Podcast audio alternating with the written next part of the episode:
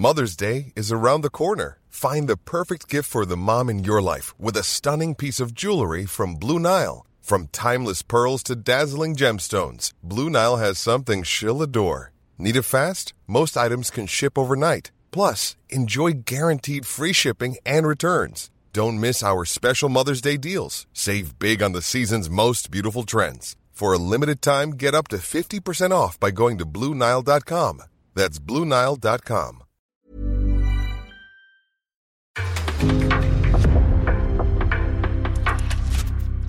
En podcast från Aftonbladet.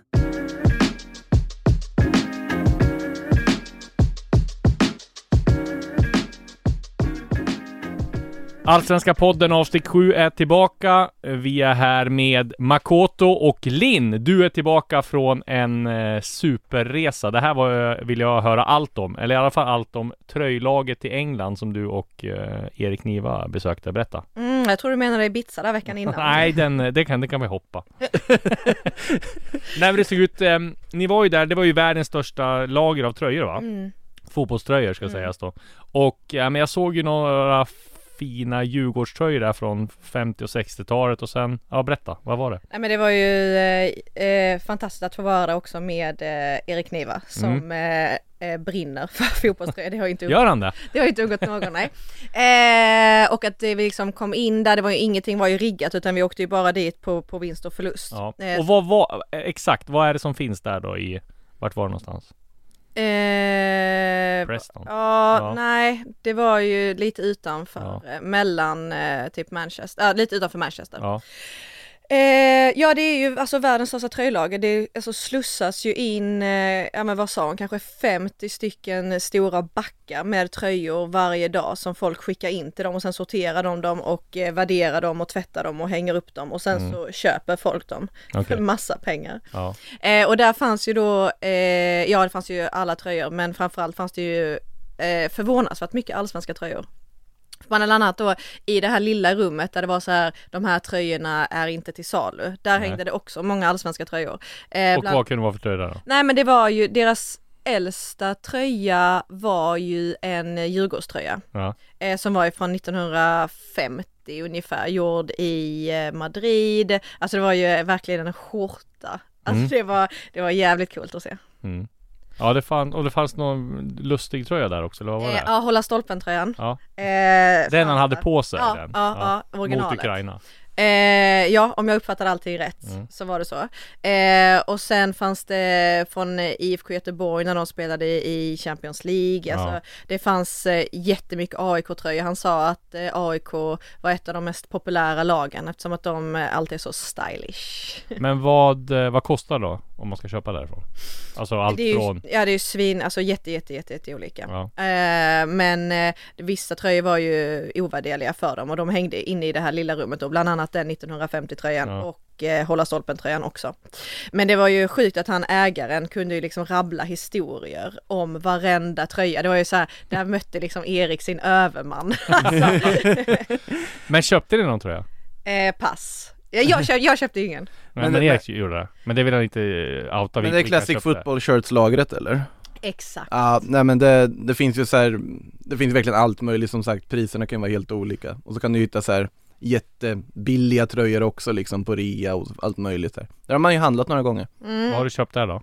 Alltså det är allt möjligt verkligen. Uh, senast jag köpte var faktiskt två Dynamo Kiev-tröjor för de hade någon sorts kampanj där att de skänker Okej, pengar ja. till Ukraina om man köper ukrainska lag. Mm. Okej, ja. Så att eh, de kom hem. Ja, Jag brukar vara lite rädd för äldre saker men eh, det var... Ja, fast det finns ju nya också. Det här var ju liksom helt, eh, helt liksom oanvända. Ja, men det var en otrolig, otrolig turné, vi fick se otroliga matcher eh, och tröjlaget var absolut en höjdpunkt. Eh, men sen var det kul att komma hem till allsvenskan också. Ja, härligt. Och här har ju varit full fart får man säga. Om vi börjar med matchen igår, eh, Hammarby mot Malmö på Tele2. Började tycker jag som den stormatch det var. Och jag trodde ju så här efter 15 minuter när Hammarby hade kört över Malmö och haft den där stora pressen, så tänkte man det här kommer verkligen bli årets match. Och sen bara dog det lite grann. Eh, det var ju fantastisk stämning på Tele2.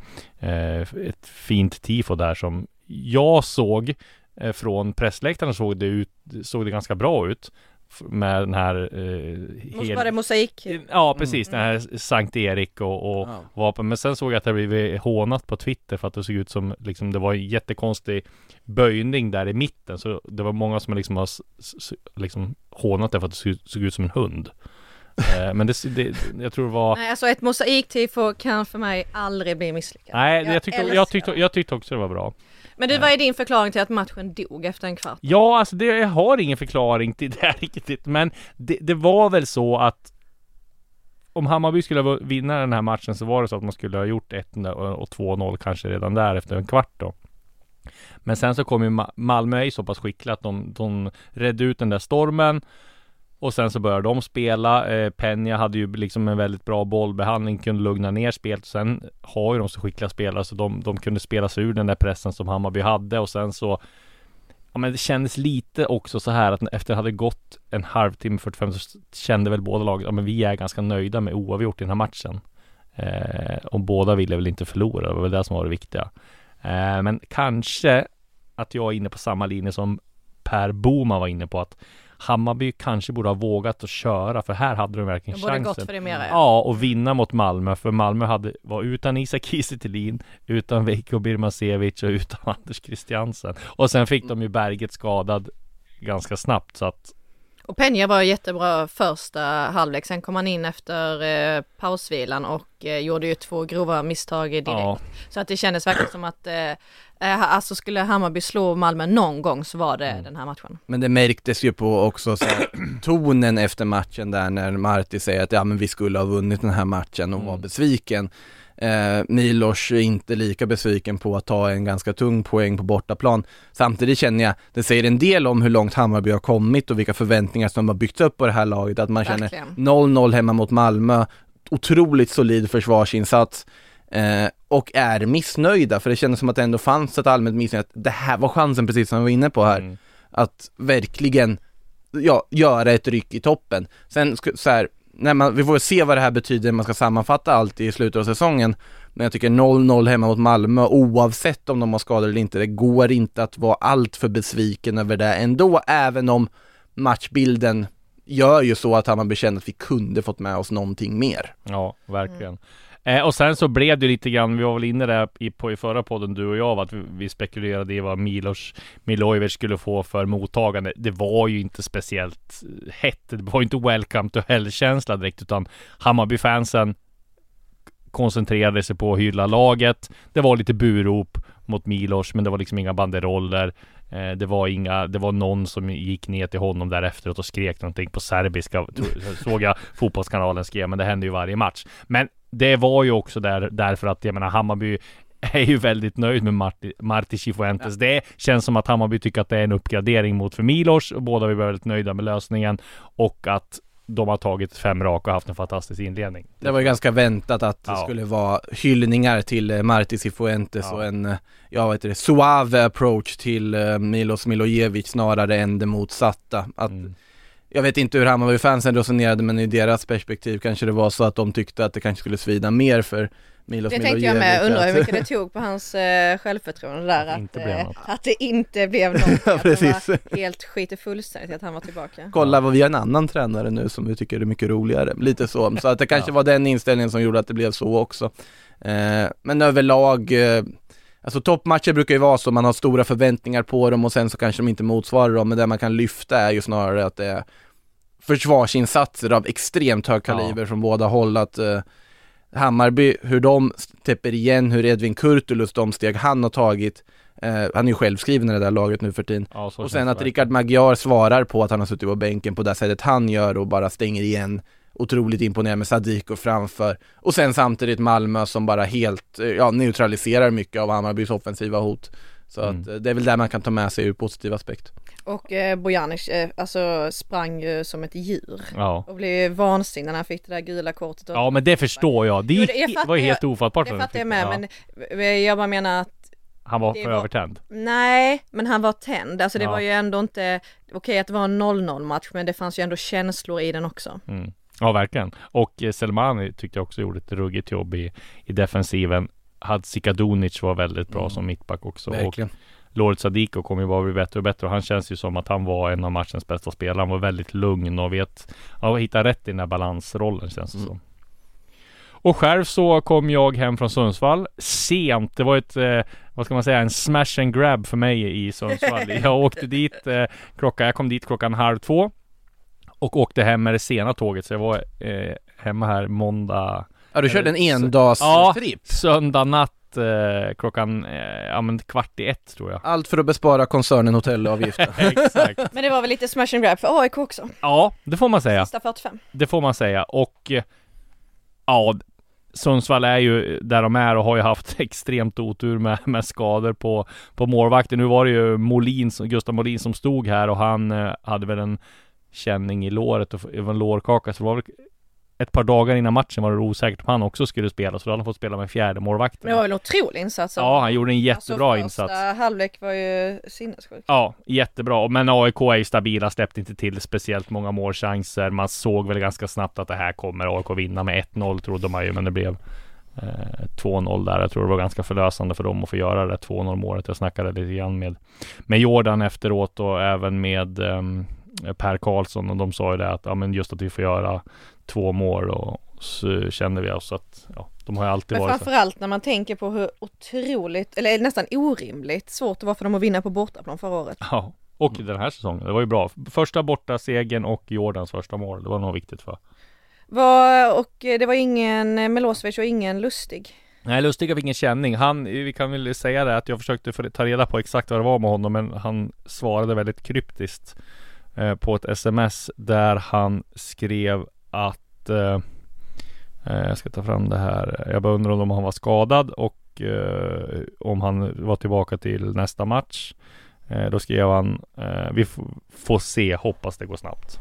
Okej, eh, det var inte jättepositivt. Nej, får jag nog ändå läsa mellan ja, raderna. där. att eh, han kanske missar Göteborg ändå då. Men Vad sa Jordan Larsson då? Nej men Jordan Larsson var ju väldigt nöjd och det var ju Sundsvall på MP3, NP3 Arena så finns det ju, där man går ner där i och ska göra intervjuerna så är det väldigt trångt och det är väldigt nära till Rörigt som fan, jag gick Ja. fel. Jag vet. Men så är det väldigt nära till eh, utgången och där hade AIK-supportrarna eh, något överförfriskade samlats och, sl- och slog på dörren och skrek på Jordan så här så att han, han hyllades när, när vi stod och gjorde intervjun. Eh, men, eh, men han var såklart nöjd och han menar på att han har, det finns mer att ta av, av honom också. Det var skönt att få göra målet. Eh, AIK behövde den här borta segern och nu kan liksom bara blicka framåt. Och jag tror det känns väl lite som de har glömt de här eh, försvarsinsatserna som de gjorde dels mot Häcken och sådär. Att det bara rullat in mål. Nu känns det lite mer stabilare och nu var jag Pertan tillbaka också. Och jag pratade med honom som vi ska lyssna på eh, sen att, eller som vi ska lyssna på nu, att han pratade lite grann om sin roll. Han har ju varit en stor del av AIKs lag här och nyckelspelare väldigt länge, men nu de här senaste åren så har han ju fått liksom en roll där han blir inhoppare.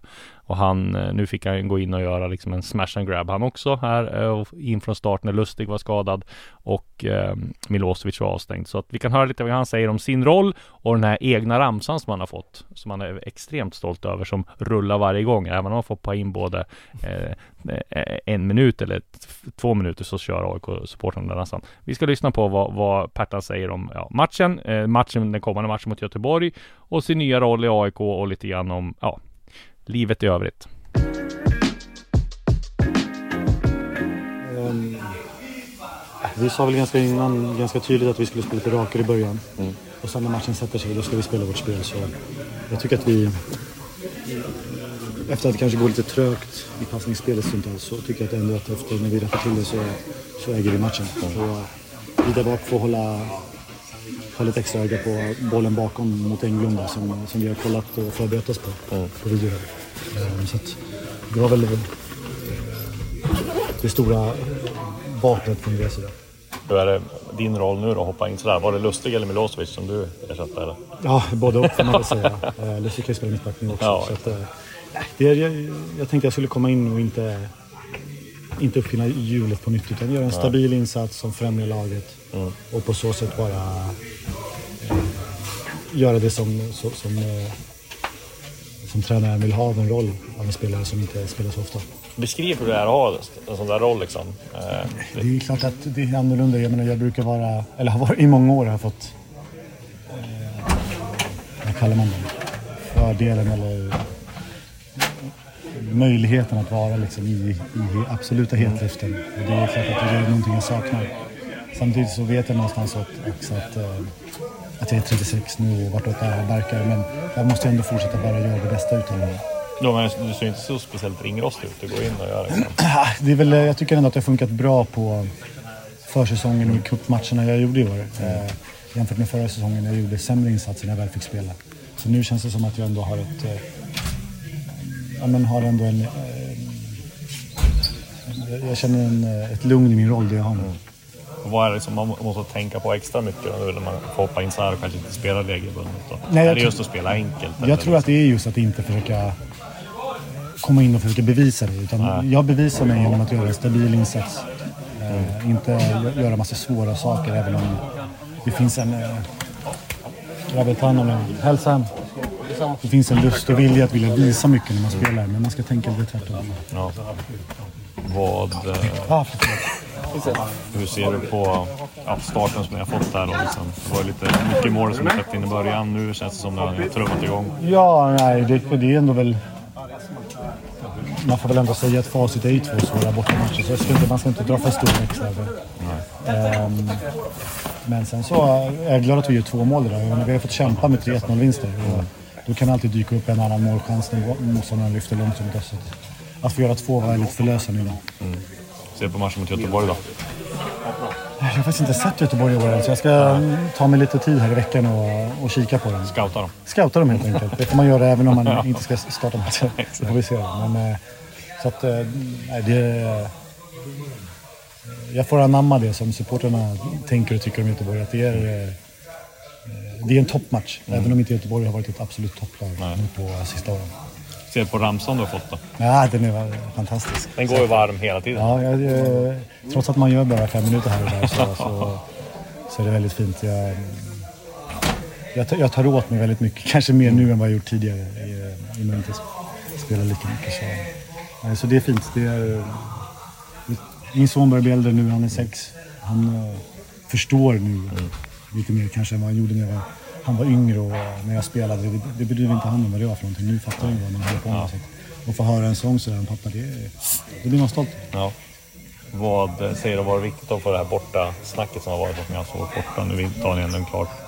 Ehm, ja, jag vet inte. Det, det här blir ungefär samma, samma svar som om vi hade förlorat den här matchen. Men vi har väl försökt pränta in oss själva att, eh, att gl- glömma den statistiken från förra året och starta om på noll inför det här året. Då har vi faktiskt bara två svåra bortalag och vi har mött. Liksom. Så att, eh, det finns inte så mycket att säga om det just nu, mer än att eh, vi försöker alltid om det är möjligt då, liksom peppa upp oss lite extra. Särskilt att vara med från start på matcherna. Att inte sitta kvar och i bussen eller vara lite sömnig. Är det någon på uppvärmningen som inte är igång, då ska... Det tryckte tränaren på idag liksom. Då måste ni vara på. Och det är alltid lite sådär, man går och väntar på matchen hela dagen. Det, det kanske är lite svårare att vara på tå, så man arbetar med sig själv. Ja, spännande. Eh, ja, vi får väl säga att eh, Per Karlsson kommer för att ha samma roll. Liksom som, han kommer ju inte bli någon ordinarie startspelare den här säsongen, utan han kommer få nöja sig med. Det kommer bli något, någon start där och någon eh, start där och sen kommer han få hoppa in lite grann i 86 och när Lustig får en känning i baksidan och Det är ju en viktig period för AIK nu med två stormatcher. Ja, verkligen. Och den matchen mot Göteborg som han skulle scouta här som han sa, det får man göra även fast man inte är startspelare som han sa, eh, blir ju eh, riktigt viktig både för AIKs och dels för Göteborg som måste studs- studsa tillbaka. Och sen Malmö FF igen. Och de har tufft spelschema nu AIK. Mm. Men eh, jag tror att eh, alltså det är inte lätt för Malmö att åka till Friends. Nej, det är ju, beror ju på om de har fått tillbaka. Kiese Thelin verkade ju som om eh, Mirojevic främst vill ha tillbaka för, för han ska vinna kuppen åt oss, sa han. Och, ska, och det är ju ett tag dit. Det är ju Mm. tre veckor, men ja, det är frågan när han är tillbaka. Däremot så Birmancevic var det ju hjärnskakning på. Så det är frågan om han kommer tillbaka. AC känns det ju inte som han är tillbaka mot AIK direkt. Nej det är alltså med de skadeproblemen Malmö har och den truppen de sitter på just nu Oavsett vad de hade haft för trupp så hade bortamatch mot AIK på Friends Arena varit svårt för dem Mm. Sen är det ju om det är något lag som kan hantera det så är det ju såklart Malmö FF Men absolut, jag är ju inte dugg förvånad om AIK alltså om AIK skulle gå rent absolut skulle det vara anmärkningsvärt men jag skulle inte bli förvånad om de gör det. Jag tror ändå de kommer att plocka de här poängen för att vi vet hur bra de är på hemmaplan. Vi vet hur starka de är med sina hemmasupportrar och på sin egen matta. Eh, Och ja, att de har mött Malmö två så tajta gånger, är någon gång de ska ha scoutat deras svagheter Ja, så måste det ju vara nu. Ja. men jag tänkte också på det där med, om man droppar tillbaka lite till Pertan, Mm. att vad guld värt är att ha en sån spelare som ett backup-alternativ. Som, som accepterar sin roll, vet Mm. vart han är i klubben, har otroligt klubbhjärta. Men du också vet exakt vad du kommer få av, som har varit med i varenda situation han kan tänka ställas inför. Det är ingen rookie på något sätt. Som bara går in och är där och är självklar. Det måste vara en otrolig lyx för en tränare som Bartosz att ha det alternativet som backup när, ja, som i ett sånt här läge när de flesta lag skulle ha kris som Lustig Milosevic är borta. Men här kan man starta med ja, Sotte och uh, Pertan istället Mm. och det, det är en ganska rejäl liksom trupplyx. Ja, verkligen. För mig den här veckan så blir det Djurgården-Helsingborg på torsdag. Ni var på Djurgården-Sirius eh, senast va? Eh, rejäl överkörning 4-0. Jag vet inte vad Sirius höll på med riktigt, men det var någon form av Joel Cedergrensk eh, rulla boll i fem timmar i backlinjen och slå mest passningar. Nej då, men eh, de förlorade ganska klart. Djurgården gjorde, fy, gjorde fyra mål. I, i, vi ska inte ta någon insats från Djurgården, jättebra insats. Eh, Haksabanovic med fin nick. Edvardsen gjorde mål, Radetiner, Svindell. Men vad säger ni om den matchen? Ja det var ju gnugga sig i ögonen minst två gånger efter två mål och tänka Händer detta igen? Ja. Alltså stå och passa så i eget straffområde med minusmarginal. Ja. Att bara, eh, och sen bara kunde de liksom springa fram och bara ta bollen och göra mål. Det var, ja alltså Findell sa att de var lättlästa i halvtid, det är ju en underdrift. Alltså det, gränsen mellan en liksom orubblig tro på sin metod och bara total galenskap, den är ju väldigt hårfin. Om Sirius hade lyckats med det här, då hade vi hyllat dem som wow, vad tro, liksom trofasta de är till sin metod och det de gör. Men i det här fallet så, till att börja med, Djurgården är ett av de bästa lagen i serien på att sätta en bra press när de väl får den att stämma, som de gör här. Det är liksom helt fel matchning för Sirius. Marcus Mathisen har sin absolut sämsta dag i karriären, vanligtvis en back som är jätteväl anpassad för att spela den typen av fotboll som de gör, som faktiskt har en bra passningsfot och bra spelsinne, men som bara kommer in fullkomligt fel i den här matchen. Och såklart, det, det får inte se ut som det gör. De får inte, särskilt det här 4-0 målet när man redan har 0-3, att ändå stå där och passa är ju anmärkningsvärt. Samtidigt, ja, också, nu har de 0-10 i målskillnad, tre raka förluster. Det är ju läge att börja ifrågasätta på allvar vad de sysslar med där. Sen vet jag ju så här, Daniel Bäckström är en principfast tränare, han, metoden är viktig för honom, sättet de spelar, att implementera det.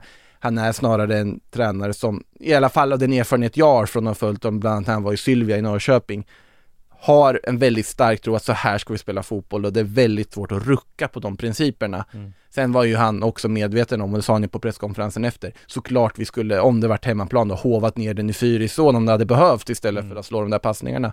Men ja, det var- är där man brukar se om ett lag börjar gå, inte fungera. Då brukar man ju liksom gå back to basic och slå långt och nu liksom. Men Mm. det här var liksom enträget. Det, det var ju intressant, nu, nu var det lätt för dem att säga såklart i det här sammanhanget när de vann med 4-0, men det var intressant att både Thomas Lagerlöf och Magnus Eriksson hyllade ju Sirius för liksom deras trofasthet i deras princip att inte Precis. släppa den. Men det är ju lätt att säga när man har vunnit med 4-0 att uh, hylla motståndarna då. Eh, Men Mathisen sa ju det efteråt med och Mm. jag vill också poängtera det att alltså har man ett spelsätt som man tror på så ska man ju köra på det och Mm. eh, den här matchen så funkar det uppenbarligen inte. Men Mathisen sa ju att det är vi som bjuder eh, Djurgården på tre av de här målen. De skapar ingenting Mm. framåt och det höll ju Edvardsen med dem också. Så att det var ju skönt också för Djurgården att kunna studsa tillbaka efter derbyförlusten på det här sättet. Men Sirius ska inte bjuda på sådana här chanser. Det, det funkar inte i Nej. Allsvenskan. Det var roligt när Bäckström rättade dig på presskonferensen. Berättade.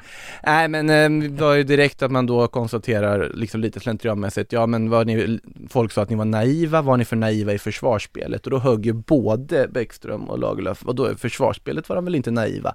Anfallsspelet, för det börjar i försvaret, uppbyggnadsfasen. Uppbyggnadsfas. Vi var absolut naiva i anfallsspelet, konstaterar Bäckström. Och det säger väl en del om hur han är som tränare också, det får man ju Ja. ha, ha en respekt för och liksom, jag tror att det är ju rätt rätt person på rätt plats för ett lag som Sirius som verkligen vill spela fotboll på Mm. så vis, där deras styrka ligger i det. Sen är det ju så att när resultaten börjar gå på det här viset, då börjar man ju fundera över hur, Ja. hur kommer det här fortsätta? Om, är, var det här bara liksom att stjärnorna verkligen inte stod rätt för Sirius-stjärnan den här gången? Det, det vi får se. Vill också hylla Mattisson att han kom ut och gjorde de Verkligen. flashintervjuerna eh, inne, på, inne på planen direkt Mm. efter eh, matchen för han var redan nere i omklädningsrummet och sen kom ändå ut och pratade med Mm. oss. Så har man gjort två så grova misstag och man förlorar med 4-0 då, är det, då förstår jag att det är tungt för en spelare. Så att det vill jag, det vill jag ändå ha sagt att Mm. det tackar jag för. Och det ska sägas också att de andra Sirius-spelarna också är väldigt rakryggade om metoden de har, att de tror på det de sysslar med. Ja. Sen såklart var ju alla överens om, det får inte se ut som det gjorde i, Nej. i lördags. En som också tror på det han sysslar med det är Viktor Edvardsen, en av de stora profilerna i Allsvenskan den här eh, Ja den här säsongen, det var han förra året Han också. tog en promenad efter, eh, ja exakt. Men däremot så tror jag att det var ett ruskigt skönt mål han eh, fick göra mot eh, Sirius med tanke på Ja, dels Milosevic hån där, bondehån. Mhm. Eh, men framförallt så var det ju eh, snackisen efteråt matchen där la ut en promenad en fatt och spelade fattig bonddräng. Det var faktiskt ett, eh, en, fem, ett fem, en fem plus comeback, eller vad säger vi? Ja det var ju en, en eh, dubbel comeback, Ja. Eh, både bondeskämt och att han eh, fick göra mål. Mm. Också bra för eh, Haksabanovic att få eh, sätta ett mål också. Verkligen. Vi ska ta och ringa upp en av allsvenskans största profiler, Viktor Edvardsen, som ska berätta precis hur det gick till när han gjorde den där filmen och hur, te- hur han tänker kring, kring allt. Eh, vi ringer upp den här fattiga bonddrängen nu snart. Häng på!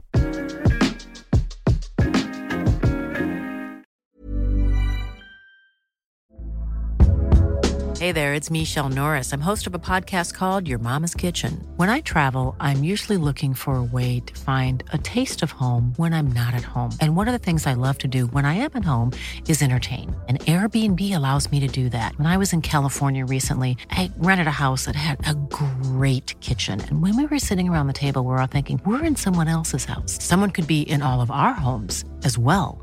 If you have a home, but you're not always at home, you have an Airbnb. Your home might be worth more than you think. Find out how much at airbnb.com/slash host.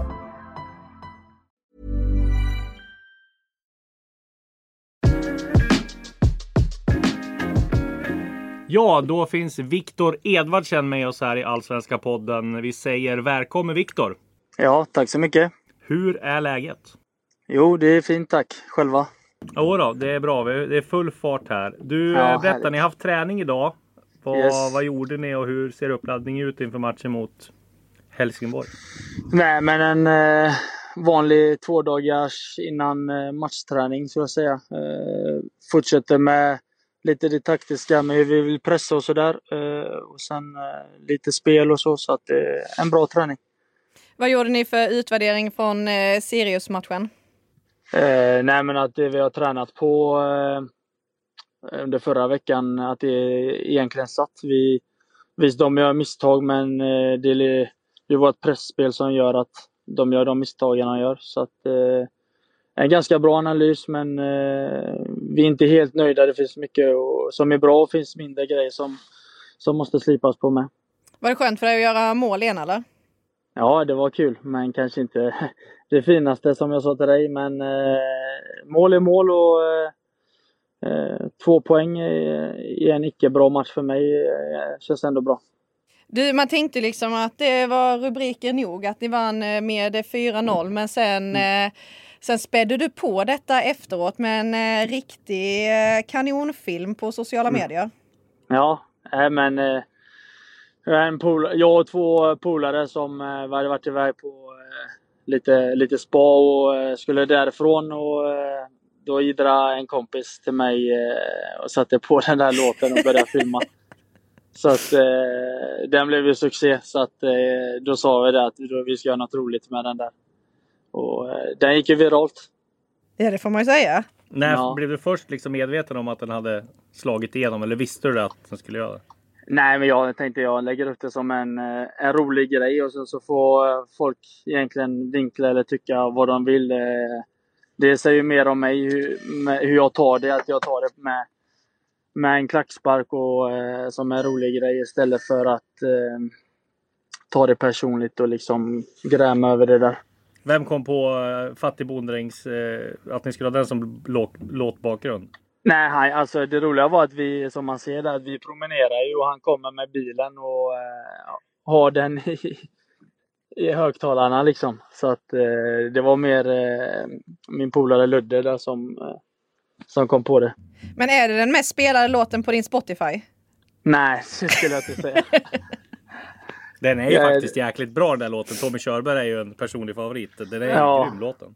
Men eh, han kanske inte vet att jag är uppvuxen i storstan egentligen. Så om, jag skulle, om du skulle få ett eh, litet eh, bondetest, skulle du klarat det nu då? Det tror jag inte. då? Om du ska säga de fyra...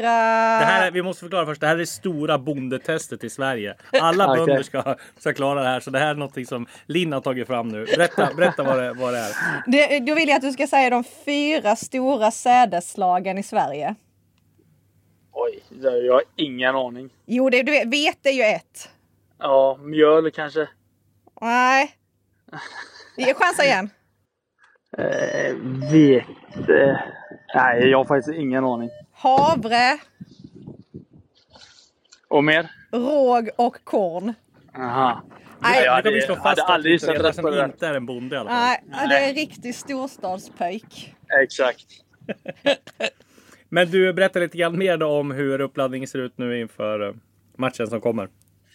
Nej, men det känns bra. Eh, vi känns eh, pigga och fräscha grabbarna här. Så eh, det är en, en ny match nu som eh, hemmaplan med publik och förhoppningsvis tre poäng eh, till. Men eh, det ska bli kul att spela igen och eh, eh, ja, haka på resten förhoppningsvis. Ja, vad säger du om matchen? Det var ju toppmöte igår, eh, 0-0. Vad säger du om den matchen? Eh, nej men första 15-20 där var det hög intensitet och, och sådär. Eh, sen Låter så som du håller på att krocka. Men han ba- backar. Nej, ja, ja. Men den stängs ju inte av heller. Är det på traktorn? Ja, då ja. Jag ska flytta ut här nu till bondgården har jag tänkt. nej, nej men det, det, det var en helt okej match eh, ändå. Eh, två lag som inte vill göra bort sig kändes det som. Eh, så att, men för oss som tittar lite tråkigt kanske men man vet ju hur det är att spela sådana tajta och jämna matcher. Om du skulle sist och till sist och sammanfatta inledningen här på, på Allsvenskan så här. När vi har kommit en bit in i maj. Vad säger du om Djurgården? Nej, men jag tycker ändå vi, även fast vissa resultat kanske inte har varit, eh, varit där, så tycker jag att vi i stort sett har eh, gjort det bra. Vi har alla första halvlek mot Göteborg borta och kanske andra halvlek Mjällby borta där vi kanske inte kommer upp riktigt i nivå. Men i de andra matcherna, vi har inte släppt till så mycket mot oss. Både AIK Blåvitt och Mjällby har i stort sett en chans mot oss och gör mål. Eh, så att eh, vi är på väg på, på, på banan och vi gör mycket mer eh, saker rätt nu och förhoppningsvis så, så kommer allting bli bättre och bättre.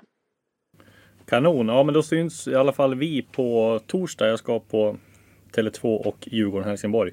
Ja, det gör vi då. Med det så tackar vi dig Viktor. Tack så Ja, jättemycket. tack själva. Ha det bra. Ha en bra dag. Detsamma. Tja.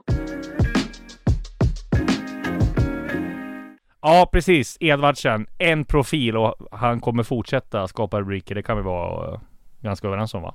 Ja, det är ju tur att eh, Djurgården har honom faktiskt. För det är Mm. inte så jättemånga färgstarka profiler annars. Nej. Alltså det, det är ju verkligen lite imponerande hur snabbt han har blivit något sätt symboliskt för Djurgården, hur snabbt han har tagit den här liksom väldigt synliga rollen i laget och det, det piggar upp, det behövs den typen av spelare i serien Det han, känns som att de andra steppar tillbaka lite för de vet att han, han kommer ju ändå sätta rubriken. Ja men inför derbyt var det ju Edvardsen versus AIK-försvaret. Det var ju Ja. liksom Edvardsen som var igång där på alla sätt och vis. Sen också, det som gör det liksom roligt är att han också själv tar det för vad det är.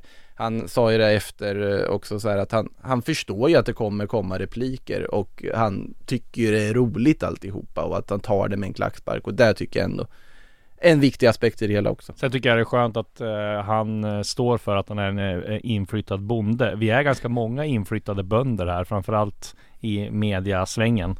Eh, eh jag är också en eh, inflyttad bonde.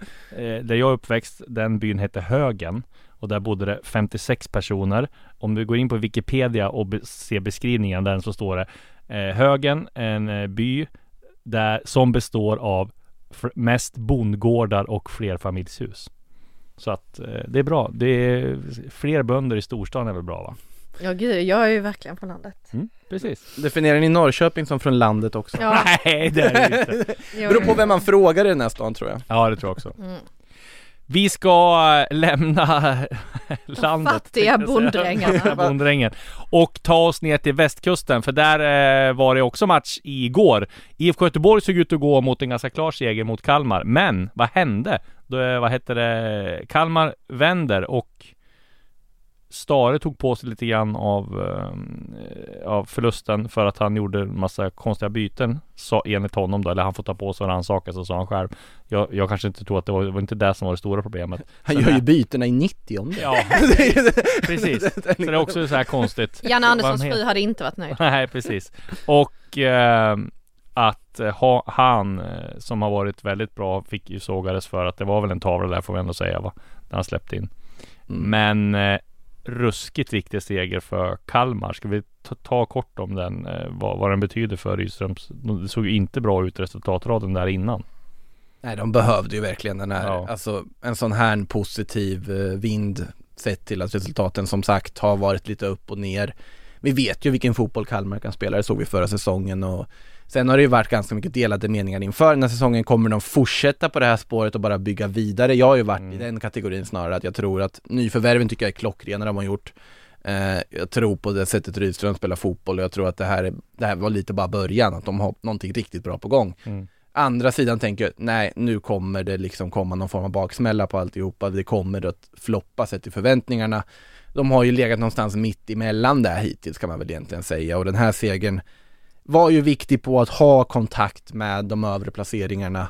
Eh, viktig för att få momentum i laget, att inte hamna i någon dålig trend på så vis. Och att göra det med en vändning borta mot IFK Göteborg, det betyder ju såklart jättemycket. Nej, det kommer ju blandas och ge den här säsongen. Det är inget lag som kommer att ha ta stabila trepoängare hela tiden. Men mm. eh, framförallt så är det kul när Kalmar är med. Ja, precis. Och om vi ska ta någonting mer om västkusten så är det ju Häcken som Alltså det är den, den Jag har aldrig sett ett så överlägset lag. Jag tror det var 80 Var det 83-17 i bollinnehav första 30 minuterna för Häcken men de eh, det var ändå Varberg som var nära att göra mål där när Jeremejeff eh, tror jag slarvade till det. Men sen vinner ändå Häcken ganska, ganska komfortabelt. Vi ska ta oss ner till till eh, vår korrespondent i Göteborg. Eh, Utrikeskorren. precis, Micke, Micke Wagner som har full koll och ska ge oss en eh, djup analys om både Häcken mot Varberg och Blåvitt mot Kalmar. Vi vänder oss dit nu. Ja, då säger vi välkommen till Allsvenska podden Mikael Wagner. Uh, innan vi snackar om Häcken-Varberg, vad, vad är egentligen det senaste med Erik Friberg-gate? Ja, e-, eviga snackisen just nu kring, kring, kring Häcken. Uh, ja, man får väl säga att han, han eh, togs väl ut ur frysboxen där nere från fiskpinnarna inför Varberg-matchen eftersom han ändå, han var ju ändå med i truppen igen. Och det, det, vi kände ju ändå att det var en snackis. Jag drog faktiskt ut på, på Häckens träning dagen för, före Varberg och jag kan väl säga att eh, varken Erik Friberg eller, eller eh, Per-Mattias Högmo direkt jublade av glädjen när de insåg att, eh, att jag ville snacka med dem om, om Erik Friberg. Det var rätt kul överhuvudtaget för jag kollade med eh, Malin Fahlén eh, Häckens eh, presschef där om, eh, om träningen var öppen och liksom fick det klassiska svaret. Häckens träningar är alltid öppna! Utropstecken eh, till henne, från henne då. Och drog mm. ut på trä träningen där. Eh, var ensam, ensam besökare på, på, på träningen där. Och, Eh, filmade, tog någon, någon bild där, vet, som man gör ibland för säkerhets Ja. skull, ifall det händer någonting. Och det dröjde inte länge innan Högmo kom fram till mig och frågade om jag skulle lägga ut de där filmerna någonstans, eftersom de körde anfallskombinationer. Aha, Alltså, okej. det, var på, det var på väg att bli spiongate där ett Ja. tag istället. det var tur att det inte blev det. Ja. Men både, både Högmo och Friberg de svarar ju lite grann kort på, på han, om hans situation Ja. sen i alla fall. Och sen så kom ju eh, Friberg kom ju in i 61 minuten tror jag det var mot, Mm. eh, mot Varberg när de ledde med 3-0. Lätt, lätt övertänd får man nog säga att Friberg var. Han började med en, eh, en glidtackling utav Erik Friberg, Gustav Svensson eh, snitt som var Ja, okej. nä, nära, nära varning och sen så drog han ju på sig den här andra straffen då i 90 minuten som, eh, som Varberg reducerade på. Så att eh, min spontana gissning är nog att jag tror inte Friberg startar borta mot Värnamo nu nästa omgång. Nej. Men vad är din teori då? Alltså är det att Högmo vill satsa på sina spelare, värvningar, yngre spelare? Eller är det, för jag menar, är Friberg verkligen så ur form eller så dålig? Liksom, han var ju jättebra förra året. Eller vad är din take på det hela? Nej, alltså jag tror helt enkelt att det är så, det är så enkelt att eh, så som konkurrenssituationen ser ut. Samuel Gustafsson, Gustav Berggren har, har gått väldigt bra centralt Mm. på, på Häckens mittfält. De har, eh, de har alternativ på, på bänken som eh, som är minst lika bra just nu som, som, som Friberg är. Och då, då hamnar man ändå i läget med eh, en spelare som har haft vissa skadebekymmer, som spelar sista året på, på ett utgående kontrakt. Eh, och trots allt så började, började laget säsongen eh, rätt, rätt bra också. Eh, sen vad det finns för andra eventuella parametrar med, det vet jag inte, men alltså situationen Alltså det är, det den är mångfacetterad med många av de här olika sakerna givetvis. Där man samtidigt ändå måste tycka att ah, visst fasiken är det konstigt att Erik Friberg när han sitter på bänken och de jagar en seger och, och kanske behöver göra just det bytet borta mot Norrköping inte får komma in överhuvudtaget. Eh, han är helt utanför truppen borta mot, eh, mot Helsingborg. Det, det, det känns ju inte helt eh, logiskt någonstans men vad fan är fotbollen logisk någonstans egentligen? Nej, precis. Men du, själva matchen då? Det jag reagerade på var ju att jag, jag satt ju, de här matcherna gick ju samtidigt. Jag var ju Mm. i Sundsvall och såg Sundsvall AIK. Du, du skrev där i live-rapporten att var det 87-13 eller 83-17 i bollinnehav till Häcken? Ah, var det 80, eller 84-16 nu om vi Ja, ska så. Ja, okej, var ja. helt, alltså jag, vet, jag, alltså jag vet fan vad, vad du har upplevt, eh, Disco Sam, men när jag såg de siffrorna, jag tror det var eh, efter typ eh, halva första halvlek, runt 20-22 minuter spelare. 84-16 i bollinnehav. Mm. Jag tror aldrig jag har sett något liknande. Jag menar, de där 16 procenten, eh, de måste ju ha grundat sig på när, eh, när Varbergs eh, målvakt Fredrik Andersson liksom hade bollen eller utsparkade eller något liknande. För det, Mm. var, alltså det var ett extremt spelövertag. Men ändå var det Häcken som var när, närmast att ta le- eller Varbergs var närmast att ta ledningen. När, var det Jeremejeff som, som var nära att göra självmål eller vad var det för något? Ja, han nickade ett... Det var ju ganska roligt efter att det var ett, ett utav... Ja, jag vet inte vad man ska kalla det. Varbergs anfall. För det var ju liksom ett, ett, ett inkast ganska långt uppe på offensiv planhalva och Mm. klassisk fast situation för Varberg. Ett långt inkast som... Eh, eh, som Jeremejeff ska rensa undan och, eh, och nickar i egen ribba. Jag tror i och för sig att det var beställningen 1-0 eller eh, något Ja, liknande. Okej, så, att, kanske. eh, Ja. Ja, men det var ju liksom, det, det var Varbergs, ja, en av absolut, jag tror det var Varbergs enda chans och ett utav få Varbergsanfall, om vi nu ska kalla liksom eh, ett långt inkast som eh, motståndarens, stjär, motståndarens stjärna nickar i egen ribba för, för ett anfall. Liksom. Eh, det, var, det, var en, ot- ja, det var otrolig klasskillnad för första halvlek. Eh, eh alltså det här spel mot ett mål-klyschan, alltså den var ju eh, ja, sann i kvadrat. Leo Bengtsson, Berggren, Oskar Uddenäs och, och Jeremejeff då liksom. Det, det, var, det var lekstuga runt Varberg och det, det medgav ju Jocke Persson eh, efteråt också att det var bara att bocka och buga och tacka för uppvisningen i stort sett. Ja, Jeremejeff fortsätter ösa in mål.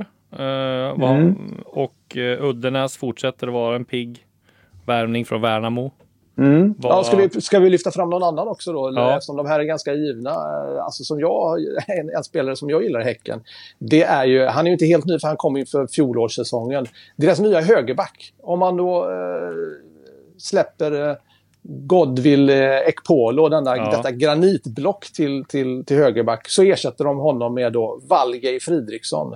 191 centimeter isländsk högerback. Mm. Eh, ja, väldigt, väldigt bra. Eh, urstark, givetvis, eh, men ändå tekniskt offensiv, bryter fram på högerkanten. Väldigt kraftfull och imponerande spelare som det jag har sett av honom hittills.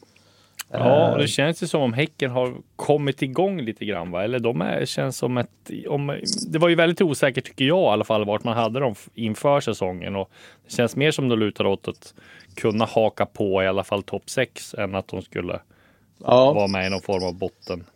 Ja, eh, alltså med, eh, med, med lite flyt så hade de ju haft med sig fler poäng både från Norrköping borta och framförallt från Helsingborg borta där de, de tappar segern i slutminuterna på den här frisparken.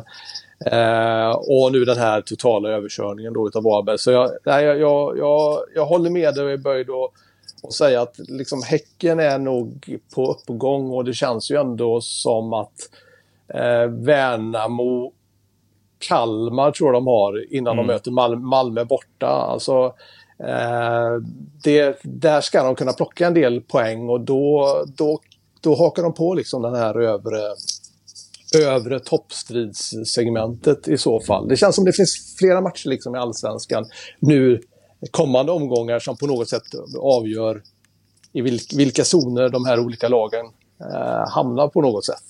Ja.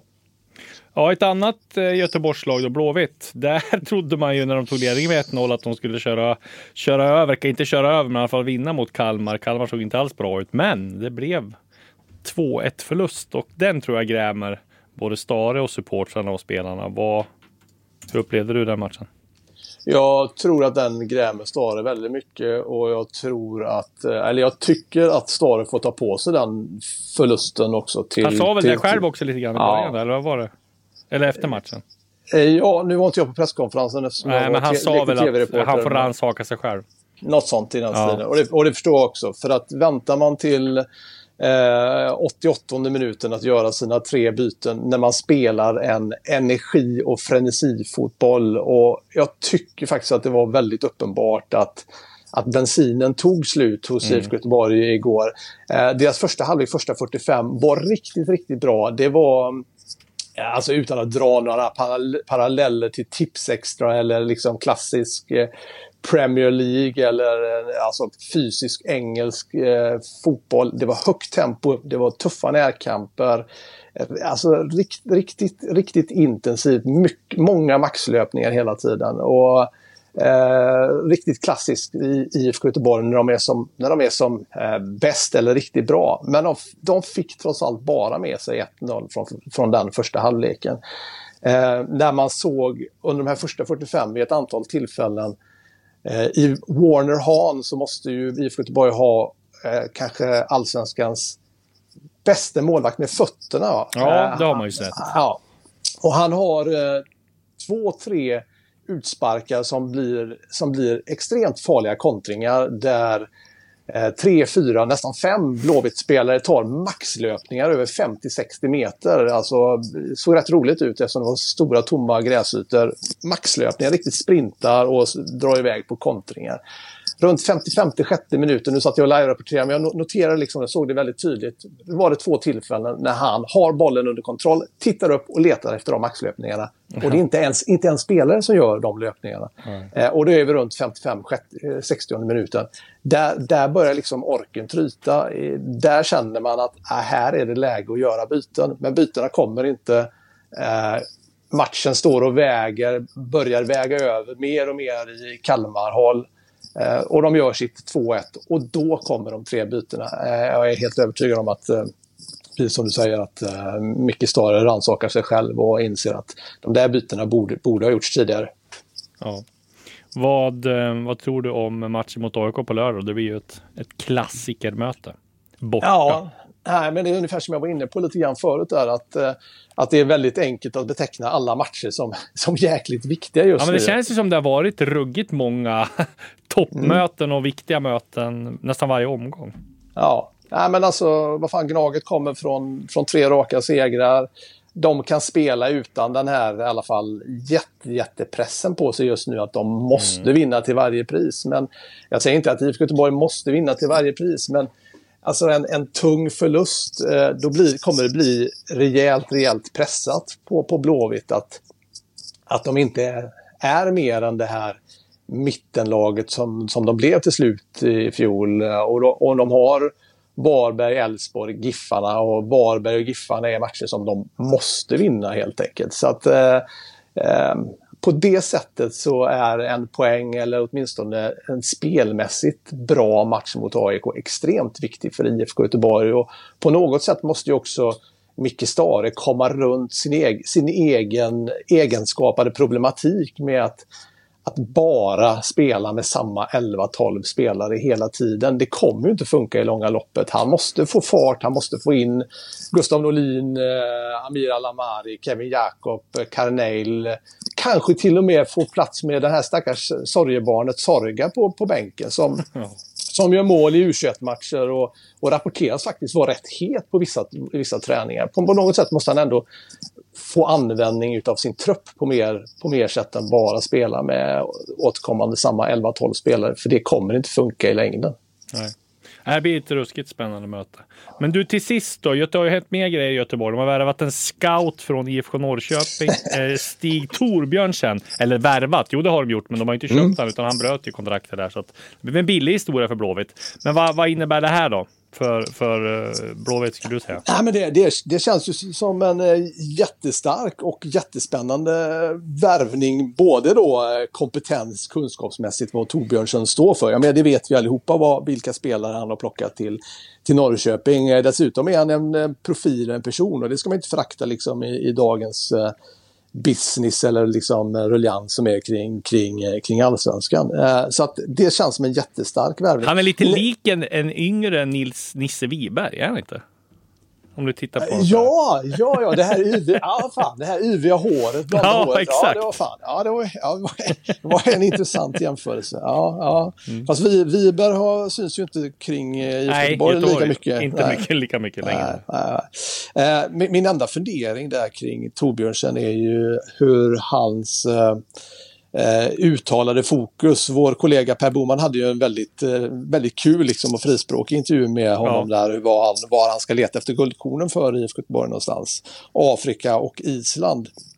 Hur det kommer att i nästa steg gå ihop med IFK Göteborgs uttalade satsning på, på, på sin egen akademi, på sin egen ungdomsverksamhet. Alltså mm. de har ju mm. plöjt ner enorma summor, miljontals kronor på sin akademi Eh, som Roger Gustafsson fortfarande finns med i bakgrunden av. Och de har, har egentligen Sveriges bästa vinterförutsättningar eh, inomhus då med den här prioritet Serneke Arena, den här jätteinomhusarenan. Ja. Eh, så, men för att balansera liksom Stig Torbjörnsens eh, scoutingkunskaper och hitta de här fynden oavsett om det är på Island och Afrika kombinerat med den egna akademin så känner jag att då krävs det liksom en, en person som balanserar de här intressena mittemellan. Vad, vad är det för typ av, vilken roll tänker jag på då Disco?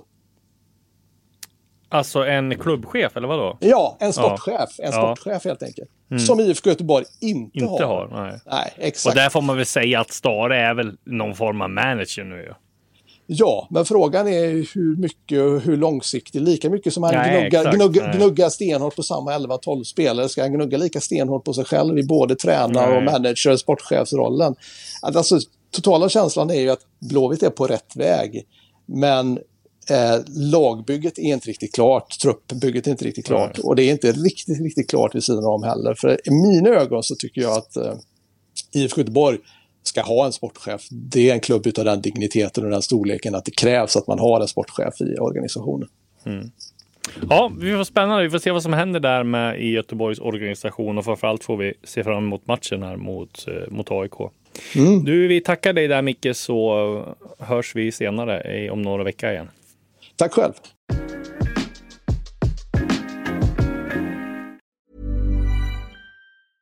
Mom deserves the best, and there's no better place to shop for Mother's Day than Whole Foods Market. They're your destination for unbeatable savings, from premium gifts to show-stopping flowers and irresistible desserts. Start by saving 33% with Prime on all body care and candles. Then get a 15-stem bunch of tulips for just $9.99 each with Prime. Round out mom's menu with festive rosé, irresistible berry chantilly cake, and more special treats. Come celebrate Mother's Day at Whole Foods Market.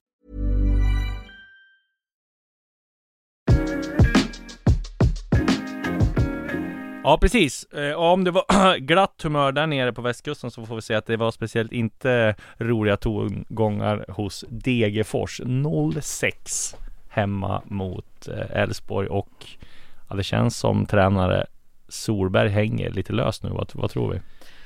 Är det Sundsvall i nästa match?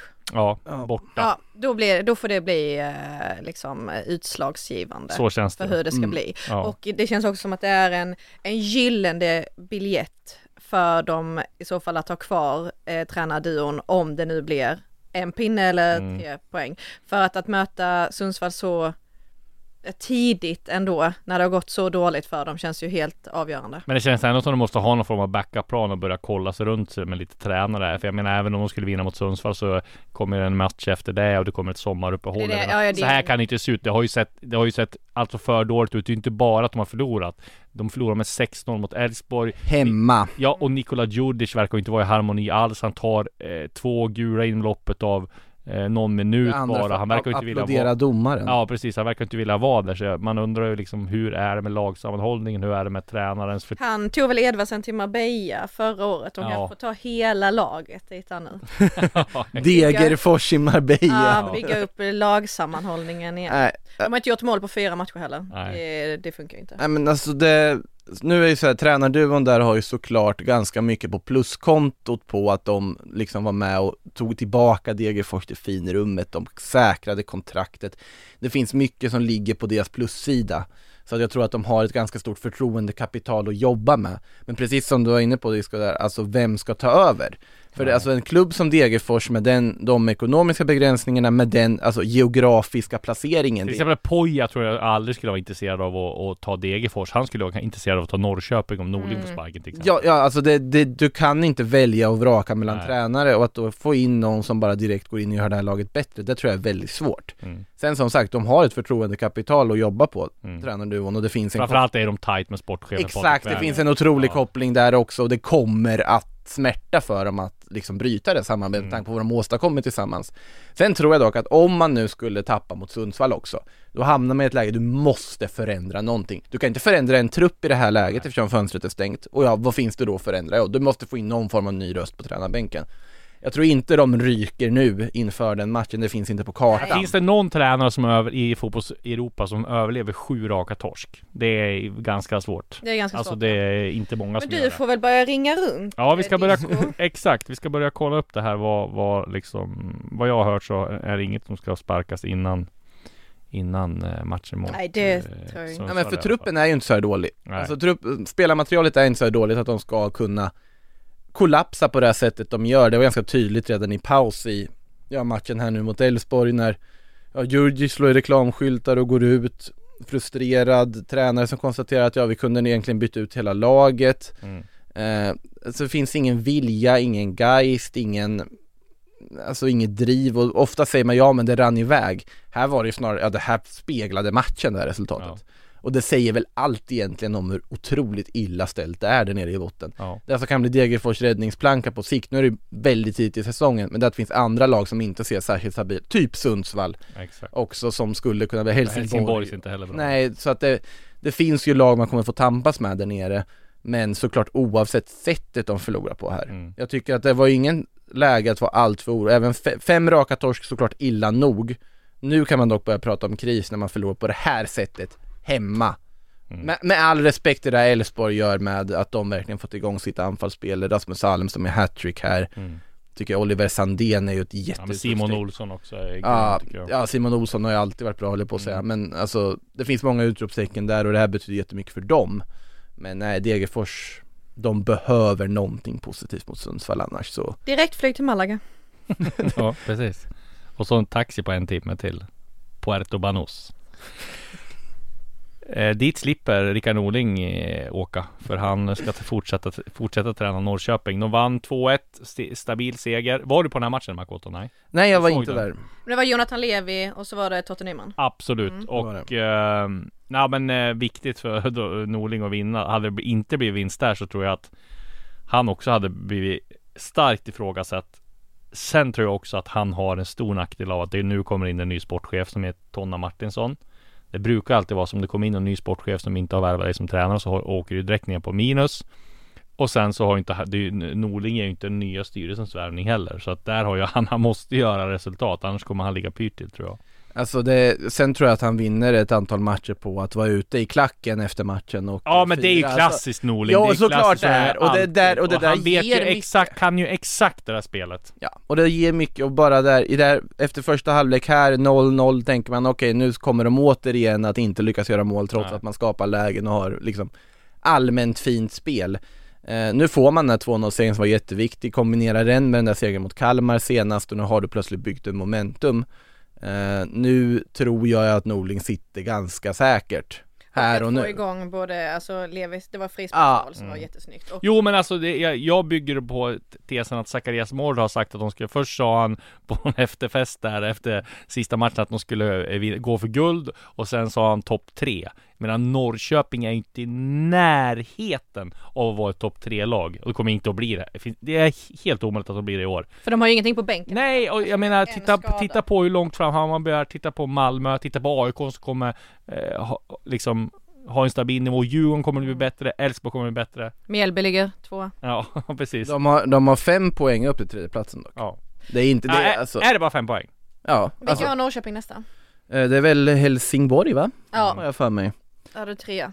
Vilket inte, nej, nöd, det är inte en säker trea på bortaplan, Fan vad du absolut inte. sågar Norrköping. Så- Nej men jag tror bara just, inte såga, jag bara jag säger att Inte jag hade sågar? Nej men jag, jag har inga förväntningar på att de ska vara något topplag Jag tror Nej, det tror, heller. jag, det tror jag inte man har heller egentligen liksom i uh, supporterled och i Nej liksom men om i styrelsen har det, då är det ett problem om den inte går Ja då, då lirar det ju inte. Ja. Då blir det ju Sen, inte... sen är det ju med Norrköpings resurser och med tanke på vad de fått in på spelarförsäljning och vad de har byggt upp för bas, då borde förväntningen att vara ett topplag existera inför varje säsong. Mm. Alltså att plocka in Norling var ju en signal att nu ska vi gå för att vinna saker. Det var ju så Norrköping resonerade. Eh, annars tar man inte en, en liksom tränarprofil som Rickard Norling. Sen var det så absolut första året en transport, lite av liksom bygga upp någonting och det var ju det här andra året som det ska få effekt. Sen får vi ju se, var det här bara så att nu har han verkligen börjat komma igång och kommer börja plocka tre poängare eller kommer det komma nya plumpar i protokollet? Då får man ju avgöra hur det ser ut, men det är mycket nya spelare som kommit in, det är ju till hälften en ny startelva. Ja det är en helt ny ledarstab, nu har Stig Torbjörnsson också lämnat och om man läser vår kollega Per Bomans intervju med Torbjörnsson så var det ju Han var ju inte direkt så att han tokhyllade no- och, och jobbade med Norling Sen ska det ju också sägas eh, till Norlings försvar att det är inte heller liksom alla värvningar som Stig Torbjörnsson gjort som har gått hem. Nej, nej, nej, verkligen inte Så att, nej men det, det är ju, det är, han, ju- han utsåg ju själv, vilket är extremt eh, ovanligt att scouter gör, att när de ska liksom hänga ut sin sämsta värvning, det svarade han på. Det var ju stort av han, det var Kevin Alvarez. Nej, han, han leder faktiskt assistligan i sin nya klubb just nu Var- i ligan. Det, han är väl tillbaka i Honduras som inte är Okej. helt ute och cyklar nu. Så det har gått bra för Kevin Alvarez. klass på den? Va? Vad är det för klass på Ja, honom? det är ju Ja, inte eh, allsvensk klass. En fattig bonddräng. Ja. Ja, herregud. Bra, men eh, det var väl allt för den här eh, veckan va? Vi är tillbaka nästa vecka. Vad händer för, härnäst för er? Vad ska du? Eh, jag ska på AIK på lördag. Gö- Göteborg? Jajamän. Den blir väldigt spännande. Jag så, ska som sagt på Djurgården Helsingborg första på torsdag. Jag har Makoto. absolut ingen aning om vad jag gör, men det, det löser sig säkert. Bra, tack för den här eh, veckan. På återhörande.